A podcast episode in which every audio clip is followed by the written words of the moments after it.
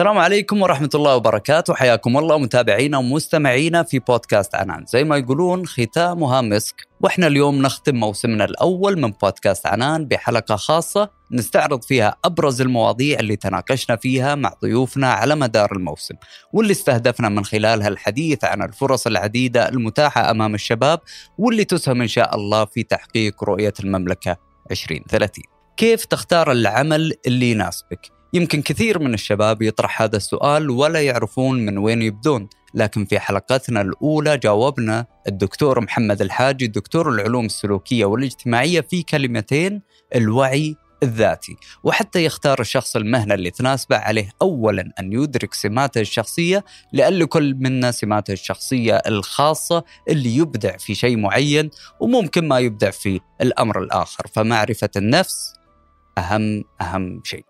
شخص غير اجتماعي لا يحبذ مقابلة الغرباء لا يحبذ مقابلة الجمهور. هل هذا أقدر هل هذا من المناسب له أنه يعمل موارد بشرية مثلا؟ أو يعمل آه، خلينا نقول خدمة عملاء؟ لا. هذا وين يروح؟ يروح للتعامل مع الأجهزة. يصبح مهندس يدرس هندسة يصبح آه، عالم حاسوب كمبيوتر ساينتست مثلا. فبالتالي لكل شخص فيه مساحة يقدر يبدع فيها سواء كان انطوائي أو كان انبساطي. الانبساطي مثلا ير يعني يرهق نفسه لما يعمل فقط أمام المشين والأجهزة لأنه هو يحب أن يتعامل مع الناس. وياخذنا الذكاء العاطفي في بيئة العمل للحياة بعد التخرج. وهو الموضوع اللي خصصنا له حلقة كاملة مع ضيفنا الأستاذ عبد العزيز التويجري مستشار توظيف وتطوير مهني. حتى تساعد الشباب في تحديد ميولهم المهنية في مرحلة مبكرة ومرحلة أيضا مصيرية من حياتهم. فمن الطبيعي أنه يكون في مخاوف لكن هذه المخاوف أوجدنا إن شاء الله لها بعض الإجابات في حلقتنا مع الأستاذ عبد العزيز. أحب أوضح للطلاب أن سوق العمل ما هو مثل ما أنت متصور. ليش؟ لازم الواحد يعرف إنه هو ما هو ما هو قريب من سوق العمل. فبعده عن سوق العمل يعطيك تصورات خاطئة. لأنه أنت بناء على إيش قلت؟ إنه مثلا أنا أول ما أتخرج بتوظف. إحنا الآن في في عصر ما مر على آه، ناس سابقا. الآن فيه social media فيه منصات مفتوحة مصادر آه، تعلم آه، كثيرة يودمي كورسيرا منصات زي هدف يوفرون منصات للتعلم. وهذا الشيء لازم يعرفه الطالب إنه مرحلة التعلم ما تنتهي بالجامعة. صح. أنت إذا كنت تعتقد إنه خلاص أنا بتوظف عشان أرتاح ما في ما في شيء اسمه يعني برتاح. لأنه كل شوي يعني إذا أنت دخلت مجال مثلا التسويق يعني تطلع تقنيات جديدة. صح. لازم تواكبها ولازم تتعلمها. وبالحديث عن الفرص المتاحة أمام الشباب والخريجين خصصنا حلقة عن القطاع الثالث وهو القطاع المكون من المؤسسات والهيئات غير الربحية مثل المؤسسات الخيرية والحقوقية والنقابية مثل مؤسستنا هذه مؤسسة محمد بن سلمان مسك. إحنا نعمل في القطاع غير ربحي. ولذلك استضفنا الأستاذ المميز أسامة الحناكي اللي هو يعتبر خبير في الأبحاث النوعية حول القطاع غير الربحي وتحدثنا عن الفرص المتاحة في هذا القطاع. لو جينا لعدد الموظفين في القطاع غير الربحي آخر دراسة صدرت من الهيئة العامة للإحصاء 2018 أن هناك 72 ألف موظف في القطاع غير الربحي عدد كبير منهم موظفين برواتب مجزية وظائف لائقة وظائف حتى مسجلة في التأمينات الاجتماعية. الربع الأخير من عام 2021 فيه 31 أكثر من 31 ألف موظف مسجل في التأمينات الاجتماعية تحت مسمى جمعية. فهي وظائف لائقة وظائف لها مستقبل. آه قطاع ناشئ ما زال ينمو. فرص النمو والتطور فيه عالية. أنا ودي أقول للشباب أنه آه يأخذون في الاعتبار ضمن الخيارات المتاحة أمامهم القطاع غير الربحي لما نقول قطاع غير ربحي مو فقط العمل فيه. لازم تصير نظرتنا للقطاع بشكل أوسع. عندي فرصة أني أتطوع في القطاع غير الربحي عندي فرصة أني أعطي أتبرع للمنظمات الرسمية في القطاع غير الربحي عندي فرصة أني أكون عضو أنضم لجمعية أو أو جماعة جمعية تطوعية أو جمعية أهلية. عندي فرصة أني أساهم في تأسيس. وعندي فرصة أني أتوظف. إذا أنا ما استطعت إني أتوظف أو شغفي في مكان آخر سواء في العمل الحكومي أو القطاع الخاص ما أستطيع إني أفرط في في السبل الأخرى، القطاع غير الربحي هو يعطيك وسيلة ومنفذ انك تعيد العطاء لمجتمعك سواء من تبرعك من عضويتك من تطوعك من وقتك أو من ابتكارك الاجتماعي اللي بيخدم الوطن وبيقدم آه، حلول مجتمعية. ومثل ما هو مهم إن الشباب يختارون المهنة اللي تناسبهم سواء في القطاع الحكومي أو الخاص أو حتى في القطاع الثالث. مهم أيضا إنهم يختارون بيئة العمل اللي تناسبهم وهو ما خصصنا له الحلقة الرابعة من بودكاست عنان واللي أكدنا فيها الدكتور معاذ الجفري مستشار تواصل داخلي على عدم وجود ما يسمى بيئة العمل الإيجابية أو السلبية وإنما بيئة العمل هي اللي تناسب كل شخص بعينه. لذلك خلونا نفهم فلسفته في هذا الموضوع. لما يجي واحد يقول لك والله البيئة هذه سلبية أو البيئة هذه كويسة روحوا هناك. آه والله عندكم الشركة آه الفلانية آه بيئتهم جدا جاذبة وجدا رائعة وجدا إيجابية. يمكن هي البيئة إيجابية وجدا رائعة لأن الشخص اللي كان يشرح لك أو يسوق لك لهذه البيئة مهتم بهذيك الجوانب. بس شخصيتك أنت اليوم غير آه يعني غير مهتمة أو ما تشوف هذه الجوانب فبالتالي أنت لو رحت لهذيك البيئة اللي الناس يقولون عنها إيجابية تكون بالنسبة لك لشخصك سلبية ما هي ملائمة. ليش؟ مو عشان هي سيئة لا عشان هي غير مناسبة لك. كل بيئة عمل فيها سلبيات فيها إيجابيات. فأنا اليوم لازم أعرف شلون اتواءم مع السلبيات اللي في منشأتي وأعرف شلون أعظم من قيمة الإيجابيات اللي في منشأتي. ف هذا التساؤل اللي دائما يجيني مني أنا أعمل مع يمكن اشتغلت أو دخلت أكثر من 60 جهة حكومية في السعودية الحمد لله. فشفت كل بيئات الأعمال وشفت كل التحديات اللي فيها. يجيني واحد يقول لي معاذ يا أخي أنا بيئتي يا أخي صعبة ودي أطلع ودي أغير وش تقترح لي؟ وش تشوف؟ دائما أقول لا تطلع من بيئتك لأنك يمكن تطلع من بيئة تروح لبيئة مختلفة بتحل مشكلة واحد اثنين لكن ترى ثلاثة أربعة هي نفسها ما تغيرت. ويعتبر العمل المرن أيضا جزء من بيئة العمل المناسبة لكثيرين لذلك خصصنا لحلقتنا الخامسة من بودكاست عنان مع ضيفنا الأستاذ محمد الصبيح وهو مؤسس لمنصة متخصصة بالعمل المرن. طبعا نظام العمل المرن بدأ يتشكل في المملكة عام 2020 وهو ما يمكن الشباب من العمل بنظام الساعات التعاقدية خلال فترات قصيرة. خلونا نعرف أكثر عن مفهوم العمل المرن. أنا طالب أنا ما أستطيع اني اعمل أنا عندي الخميس والجمعة مثلا فقط أريد اني اعمل فالشركة الآن قادرة أنها تتعاقد معه بالطريقة هذه قبل كانت يعني ما فيه إطار تنظيمي يعكس هذا الشيء اليوم فيه إطار تنظيمي والحمد لله في نمو في كبير في هذا القطاع خصوصا طبعا الشركات في احتياج كبير لهذا المجال. يعني تتكلم عن قطاعات مثل قطاعات الأطعمة والمشروبات دائما يوم الخميس زحمة. صح. بينما يوم الثلاثاء يمكن ما فيه ما في ناس. تتكلم عن خلال اليوم أيضا في فترات ذروة خلال اليوم. فأنت عندك احتياج عندك تغير. عندك رمضان مثلا يعني يمكن هذه معلومة. في رمضان قطاع الأغذية والمشروبات أحيانا تصل الانخفاض فيه إلى فوق ال 30 ل 40% مثلا عن الأشهر الباقية. فهو ما محتاج للعمل المرن هذا. محتاج إنه يكون عنده ناس يجونه في فترات الذروة. وإذا ما صار عنده ناس فتره الذروة المفروض إنهم ما يجون. يعني في ناس مثلا يقول يا الوظيفة الفلانية اللي في المجال الفلاني ولا أنا ما أبي. طيب جرب. آه ترى ما هو شرط إن هذه تصير وظيفة أحلامك لكن في بداية حياتك الوظيفية آه كون رصيد كبير من التجارب من الخبرات. آه أنت ما تدري أنت تحب تقابل الناس ولا لا. طيب جرب. يعني مثلا توظف معنا واحد كان من الناس المتميزين جدا في في العمل. بعدين قبل وظيفة في الأرشفة. داوم يوم بعدين دق قال أنا ما أقدر أكمل. ليش؟ قال ما في بني آدم أقابله يعني. م. أنا كله مقابل ملفات ومقابل كمبيوترات أنا أحب أقابل الناس. فهذا لاحظ إنه عرف وش اللي يناسبه عرف شخصيته يعني م. قبل إن أنا أحب أقابل الناس أحب أشتغل مع الناس لكن ما أحب إني أشتغل في مكان مغلق ومقفل. وستجد العكس. صح. تجد الواحد اللي يقول أقابل الناس وأقعد ما أتحمل ما أقدر. خليني في مكان مقفل أشتغل أنا ويا نفسي قدام الكمبيوتر هذا أفضل لي. فهي فرصه الواحد إنه يتعرف على نفسه فترة. آه مبكرة يشوف الشيء اللي يناسبه والشيء اللي ما يناسبه وأيضا يختبر نفسه يشتغل في الشيء اللي ما يناسبك فتره ما بمشكله طبعا من حلقة العمل المرن والتدريب الجزئي ننطلق إلى كيف يصنع الشخص أثر وكيف يترك أثرا مستداما، فكل شاب في النهاية يريد أن يترك بصمته الخاصة وهو الموضوع اللي خصصنا له الحلقة السادسة من بودكاست عنان مع الدكتور ناصر بن تهيم المستشار في مجال البحث والتخطيط الاستراتيجي واللي تحدثنا فيها عن كيفية ترك اثرا مستداما. آه، أبدأ أجرب. يعني خصوصا في مرحلة العشرينات. مرحلة العشرينات لازم أجرب فيها كل شيء. فأبدأ بالتجربة أتطوع أجرب مواضيع مختلفة. آه، يفضل أني أبتعد عن تخصصي أو أو آه، يعني إذا كنت موظف عن وظيفتي. في ناس يقول لك أتطوع في مجال وظيفتي أو تخصصي. لا جرب مجالات أخرى. جرب جرب جرب. لما تجد التحدي اللي تقول والله هذا الشيء اللي حسخر نفسي له مدى الحياة يعني أنا اليوم أبغى أنفذ مشروع زي ما قلنا.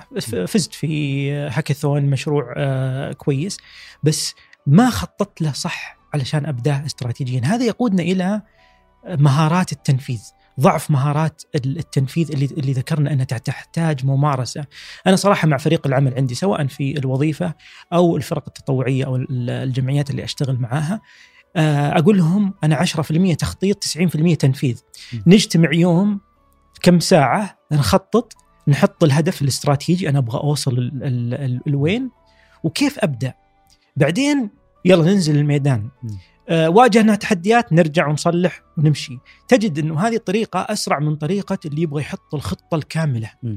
عرفت؟ الخطة المثالية الكاملة اللي تاخذ شهور وهذه تدخلنا في دوامة التخطيط. أخطط وأخطط وأخطط وأرجع أخطط مرة ثانية. لأننا في عنان مهتمين بالتحديات القائمة والتحديات المستقبلية فكان لازم نخصص حلقة عن الذكاء الاصطناعي واللي جاوبتنا فيها ضيفتنا الدكتورة نجوى الغامدي الخبيرة في مجال الذكاء الاصطناعي على سؤال يشغل معظم الشباب ليش يفكرون في مستقبلهم؟ وهل هو فعلا الذكاء الاصطناعي بيحل مكاننا في العمل أو لا. قد لا يكون الذكاء الاصطناعي دائما هو الحل لهذه المشاكل بالعكس قد يكون حل مكلف فممكن تكون حلول أكثر سهولة من الذكاء الاصطناعي. فلرواد الأعمال عموما وللمستثمرين دائما ابحثوا عن الاستثمارات أو فرص الأعمال اللي يكون فيها بين بوينت واضح. الذكاء الاصطناعي كيف ممكن يحسن في ذلك؟ ممكن من خلال الذكاء الاصطناعي إنك أنت تبحث عن فكرة يجعلك أو الذكاء الاصطناعي ممكن يساهم في خلق ما يسمى ال blue ocean area أو الأسواق الجديدة اللي ما يمكن تكون الأسواق التقليدية منافسة له. فهنا ممكن الذكاء الاصطناعي يعطيك نوعا ما edge أو ميزة تنافسية يخليك متقدم على الثانيين بمراحل ويخليك متميز. لكن إنك تستخدم الذكاء الاصطناعي كسبب آه، أنا ما أعتقد آه، لازم تكون عندك هناك نقطة ألم واضحة تقدر تبدأ منها. قد يكون هذا الذكاء الاصطناعي يلغي بعض الوظائف الروتينية لكن في المقابل حيصير التركيز على الوظائف الإبداعية والوظائف الممكنة لمنظومة الذكاء الاصطناعي الموجودة عندنا بالإضافة إلى التقنيات اللي حتعتمد على الذكاء الاصطناعي زي ال IoT زي ال cyber security وغير هذه التقنيات حيكون الذكاء الاصطناعي جزء مهم منه فحيكون عندك منظومة آه، سوق عمل جديد تماما مختلف. ولأننا تكلمنا عن المستقبل والنجاح في مجال ريادة الأعمال وترك أثر مستدام فلابد أننا نتكلم عن القيادة. لذلك خصصنا حلقتنا الثامنة من بودكاست عنان عن أهم صفات القائد الناجح وأهمية تطوير المهارات القيادية وجاوبنا ضيفنا الأستاذ ثامر شاكر الخبير في مجال الإدارة وتطوير المنشآت على سؤال يشغل الشباب وهو هل يولد الشخص قائد أم أنها مهارة مكتسبة؟ بمعنى أنك ممكن تحصل قائد بالفطرة ولد عنده آه، الكاريزما عنده آه، سرعة التواصل عنده آه، حس المسؤولية عنده كذا كذا كذا. والثاني بالتعلم لأنه أكيد بالتعلم إحنا ممكن نصل صح. إلى إلى إلى الحس القياده مرتفع لكن المثير وعلى حسب الدراسات إنه 70% ممن يولدون بهذه الصفات القيادية تختفي وتتبخر لم لم لو لم يتم تنميتها. و يعني بالضبط خليني أعطيك مثال. اللي ربنا أعطاه له بنيه جسمانية قوية. صح. وما راح الجيم مع السنوات. إيش يصير فيه؟ يصبح عبارة عن كتلة مترهلة. صح. نفس الشيء ينطبق على على على الحس القيادي أو القدرة القيادية. هي عبارة عن ممارسة مستمرة آه نسقلها بالتعلم المستمر وبالممارسة إلى أن تصل إلى أقصى حالاتها. من النضوج إنه قدرته على على استمراره في التعلم بالقراءة آه، قدرته على إنه يقترب من فريق العمل ويكون عارف إيش اللي صاير في ح- في آه، في خبايا آه، أروقة العمل رغم آه، كبر ال- القاعدة الموجودة لديه سواء كان branches أو أو أو أو operation level كان مختلف أو عدد staff كبير. صح. كيف يقدر هو يتوغل في هذا الشيء؟ قدرته على ممارسة والاهتمام آه، بحياته ال- ال- الأسرية والصحية هذا كله إدارة وقت. لذلك أعتقد كان هو CEO بيبسي اللي طلع مرة في مرات وقال إنه والله جاك ويلش والله ما أذكر بس أحد من الف في, في بداية الألفين ذكر إنه آه، شبه الرجل الأعمال الناجح أو الإداري المحنك هو الذي يستطيع أن يتلاعب بأكثر من كرة وما تطيح منه ولا كوره في الأرض. وتنكسر. لأن لو انكسرت ما تتصلح. إيش هي الكور؟ كان ما بين أسرة اهتمامه بأسرته اهتمامه بصحته اهتمامه بعمله وإنجازه لأهدافه ويمكن حياته الشخصية أهدافه الشخصية هو على المستوى الشخصي مثلا. فلذلك الشطارة لكل أحد فينا كيف يقدر يحدد ويعيش هذه ال- الحياة باتزان شديد. الموضوع مو سهل. صح. أحيانا و- البعض يقول لي 24 ساعة ما تكفيني. صراحة في شباب كثيرين يشتكون إن اليوم ما يكفيهم وإن عندهم أفكار وخطط كثيرة ولكن يبغون ينفذونها بس الوقت ضيق. عشان كذا خصصنا حلقة التاسعة من بودكاست عنان للحديث عن صياغة الأفكار وريادة الأعمال مع ضيفتنا ورائدة الأعمال الأستاذة لميا الشمري. فالطموح جميل ولكن الأجمل أن تضبط طموحاتك بالوقت أنا حابة. عذرا أنا حابة إني أذكر كذلك. آه، مسرعات الأعمال بالضبط هذا اللي كنت بدخل فيها بعد قبل شوي. مسرعات الأعمال عادة مم. تقدم لك مو ليس فقط الاستثمار ولكن تقدم لك يعني آه، أعتقد أنها ممكن تكون آه، نقلة. في طريقة تفكيرك رواد الأعمال اللي معك واللي أنا أعتقد أنهم يمثلون 70% من أهمية المسرعة. لأنك تلقى أنه حتى باختلاف القطاعات اللي تخدمونها وباختلاف آه، آه، نماذج الأعمال اللي تنفذونها كلكم تشتركوا في نفس التحديات اللي هي في اختيار فريق العمل صح. وفي التسويق وإثبات أنه المنتج له سوق. وفي المشاكل القانونية. فكلنا نتشارك بنفس التحديات لذلك إحنا نساعد بعض. تشوف ناس سبقوك في حل هذا وأنت سبقتهم في كذا وتساعدوا مع بعض. الثالثة والمهمة هي البيئة. لما تدخل مسرعة أعمال التسارع في الجداول وفي الأعمال وفي في الجلسات الإرشادية يجعل منك آه، سريع. أكثر سرعة. في آه، إدارة أعمالك فلما تطلع من المسرعة أنت دخلت في. آه، سرعة عالية جدا في الإنجاز وتحقيق الأهداف. وبالحديث عن ريادة الأعمال كان لابد أن نتطرق إلى نوع هام منها وهو الاستثمار الاجتماعي. وهذه الحلقة خصصناها وكانت الحلقة العاشرة مع ضيفتنا الأستاذة لجين العبيد الخبير في مجال الأثر والاستثمار الاجتماعي وتحدثنا عن هذا المجال وكيف يتم الاستثمار اجتماعيا وسبل الوصول إلى هذا الاستثمار. آه الاستثمار الاجتماعي هو هو استغلال رؤوس الأموال زي ما هي موجودة في القطاع التجاري. اللهم إن أنت تدخلها نموذج عمل تجاري يولد آه أرباح لكن يكون التركيز كذلك على توليد أثر. آه كيف يكون توليد الأثر؟ يكون عن طريق بناء حل آه مستدام لتحدي اجتماعي معين. وأنا دائما أحب آه، أبسط الأمور فودي أضرب مثال. لنفرض أن إحنا عندنا خمسين ألف ريال. آه، خمسين ألف ريال. أنت ممكن توزعها على خمسين بيت من ذوي الدخل المحدود. تعطي ألف ريال لكل بيت لكن بعد شهر شهرين هذا المبلغ ينتهي وما الأثر لا يستمر. هذا ما يعني أنه ما ولد أثر ولد أثر مؤقت. آه، تأخذ هذا الخمسين ألف ريال تروح توديها إلى جمعية. آه، تعمل برنامج تنموي. هذا الخمسين ألف تتأكد أنها تدرب خمسة آه، أشخاص من ذوي الدخل المحدود بحيث أنهم آه، ينتهون بوظيفة في نهاية البرنامج. آه، هذا برنامج تنموي. الأثر جدا ممتاز يحل مشكلة لكن على دائرة ضيقة خمسة أشخاص. أو أنك أنت تروح تاخذ هذه الخمسين ألف وتضعها في آه، تطبيق. هذا التطبيق يساهم في وضع منتجات الأسر المنتجة من ذوي الدخل المحدود. آه، بدال ما أنك أنت تكون قاعد تدعم خمسة أشخاص فقط أنت ممكن تدعم 100 150 200 وتتوسع دائرة الأثر من خلال هذا الحل المبتكر للتحدي الاجتماعي اللي هو ممكن توفير دخل لذوي الدخل المحدود.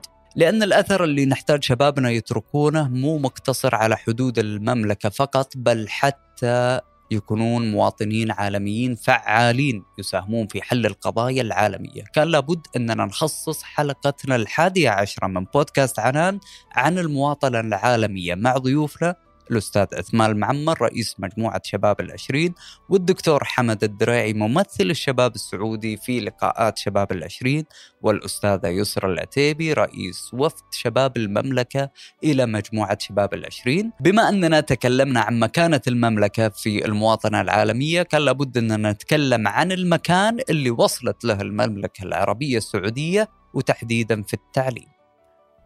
فإحنا في السعوديه آه، آه،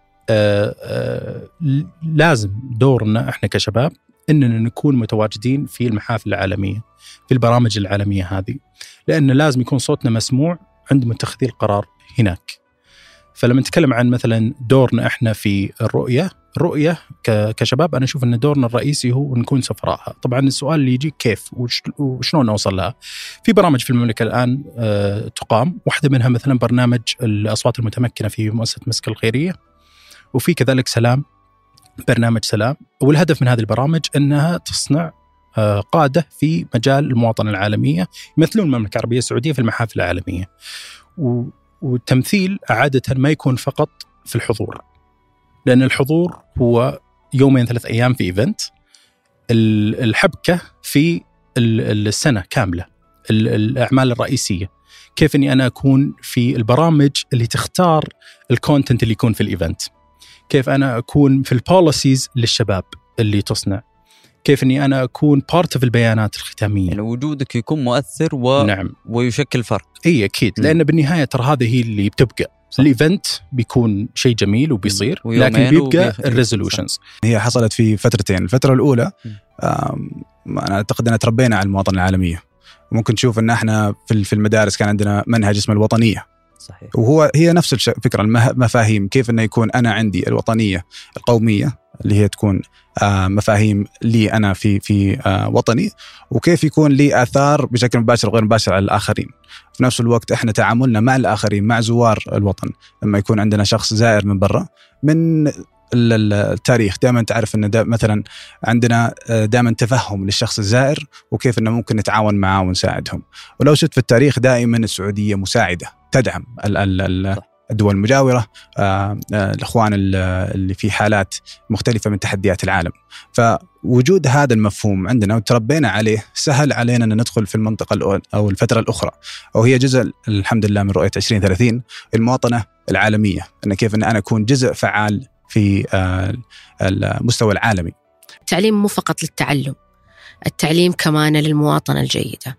خصوصا مبدأ التعلم المستمر أو ال lifelong learning طول ما الإنسان قاعد يتعلم فهو قاعد يكتسب أشياء جديدة قاعد يكون عنده اطلاع على اللي قاعد يدور حوالينه. نرجع لمفاهيم المواطنة العالمية يطلع يكون عنده معرفة بالأشياء اللي حوالينه يكون عنده تعاطف للأشياء المشتركة مع المواطنين العالميين من أماكن مختلفة.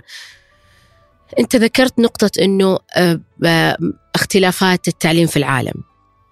أنا بعطيك مثال بسيط عن مسيرة التعليم عندنا في المملكة وهي أي. تعتبر بالنسبة لي مثال يعني آه، بارز جدا لكيف كيف وصلت المملكة العربية السعودية في فترة قياسية تعتبر إذا قارناها في دول العالم الآخر إلى أن أصبحنا اليوم تقريبا أنا أعتبر كل شباب السعوديين مواطنين عالميين كان في حلقات استثنائية خاصة بالنسبة لبودكاست عنان وكانت من ضمن جولات مسك. هذه الحلقات استضفنا كثير من الضيوف اللي كانوا متواجدين في جولة مسك وكان في أكثر من مدينة. خلونا نتعرف على أبرز الضيوف اللي كانوا معنا في جولة مسك.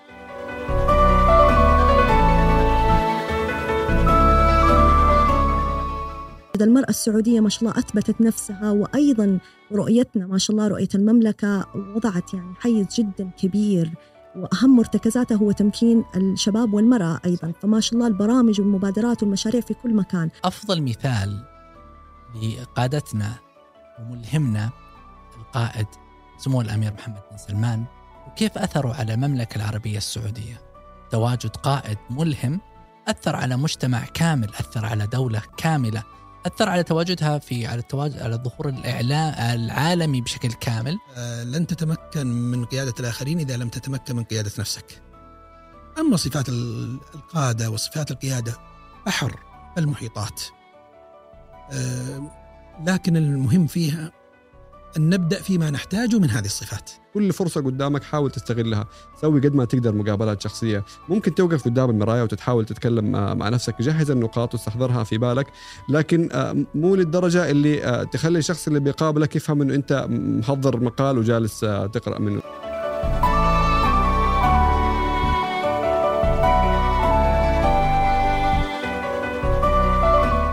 اليوم إحنا رؤية القيادة عندنا إيش تقول؟ وهي بترول. الجيل الجنريشن القادمة أي. أو أو المواهب اللي عندنا والموارد البشرية اللي عندنا ستكون بترول الفترة القادمة يا سلام.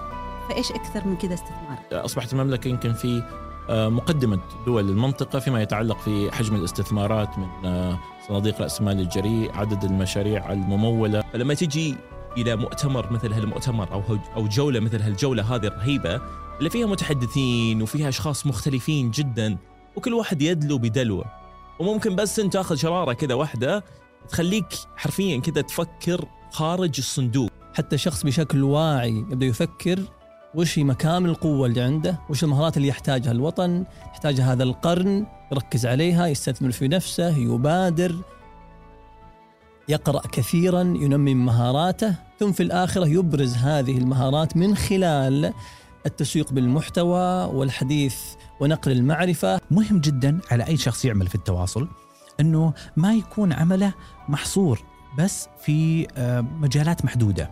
خل نقول حنا على سبيل المثال أنه بس جالس يعمم أو جالس بس يرسل. انت دورك كمسؤول تواصل داخلي أو كقائد تواصل داخلي آه إنك تكون فعلا ذا عمق بشكل كبير.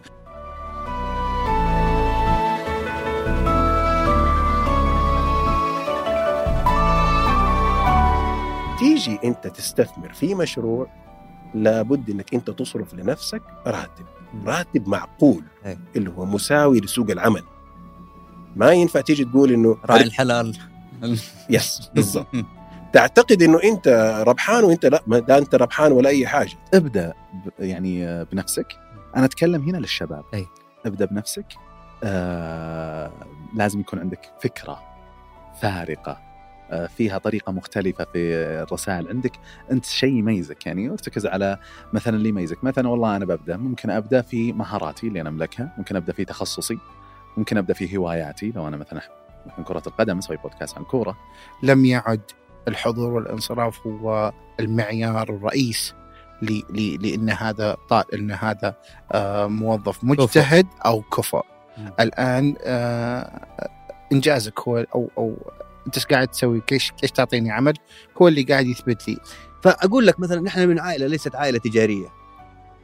ليست عائلة تجارية، اللي صار معانا بمجرد فتحنا السجل يعني كانت تتهافت علينا الجهات الحكومية الكل حابب يقدم مبادرة هيئة المنشآت المتوسطه الصغيره تقدم مبادرة تعالوا إذا حابين إذا حابين استشارات إذا حابين استشارات فردية هذا اللي صاير أيضا جولة مسك تمكين الشباب في الأخير هذا مورد من الموارد مهم جدا مهم جدا طبعا آه، قبل نوصل معكم إلى الختام متابعين الأعزاء نذكركم بالتواصل معنا عبر منصة مكان مسك المنصة اللي نلتقي معكم من خلالها ودائما تابعونا عبر جميع وسائل التواصل الاجتماعي الخاصة بمؤسسة محمد بن سلمان مسك.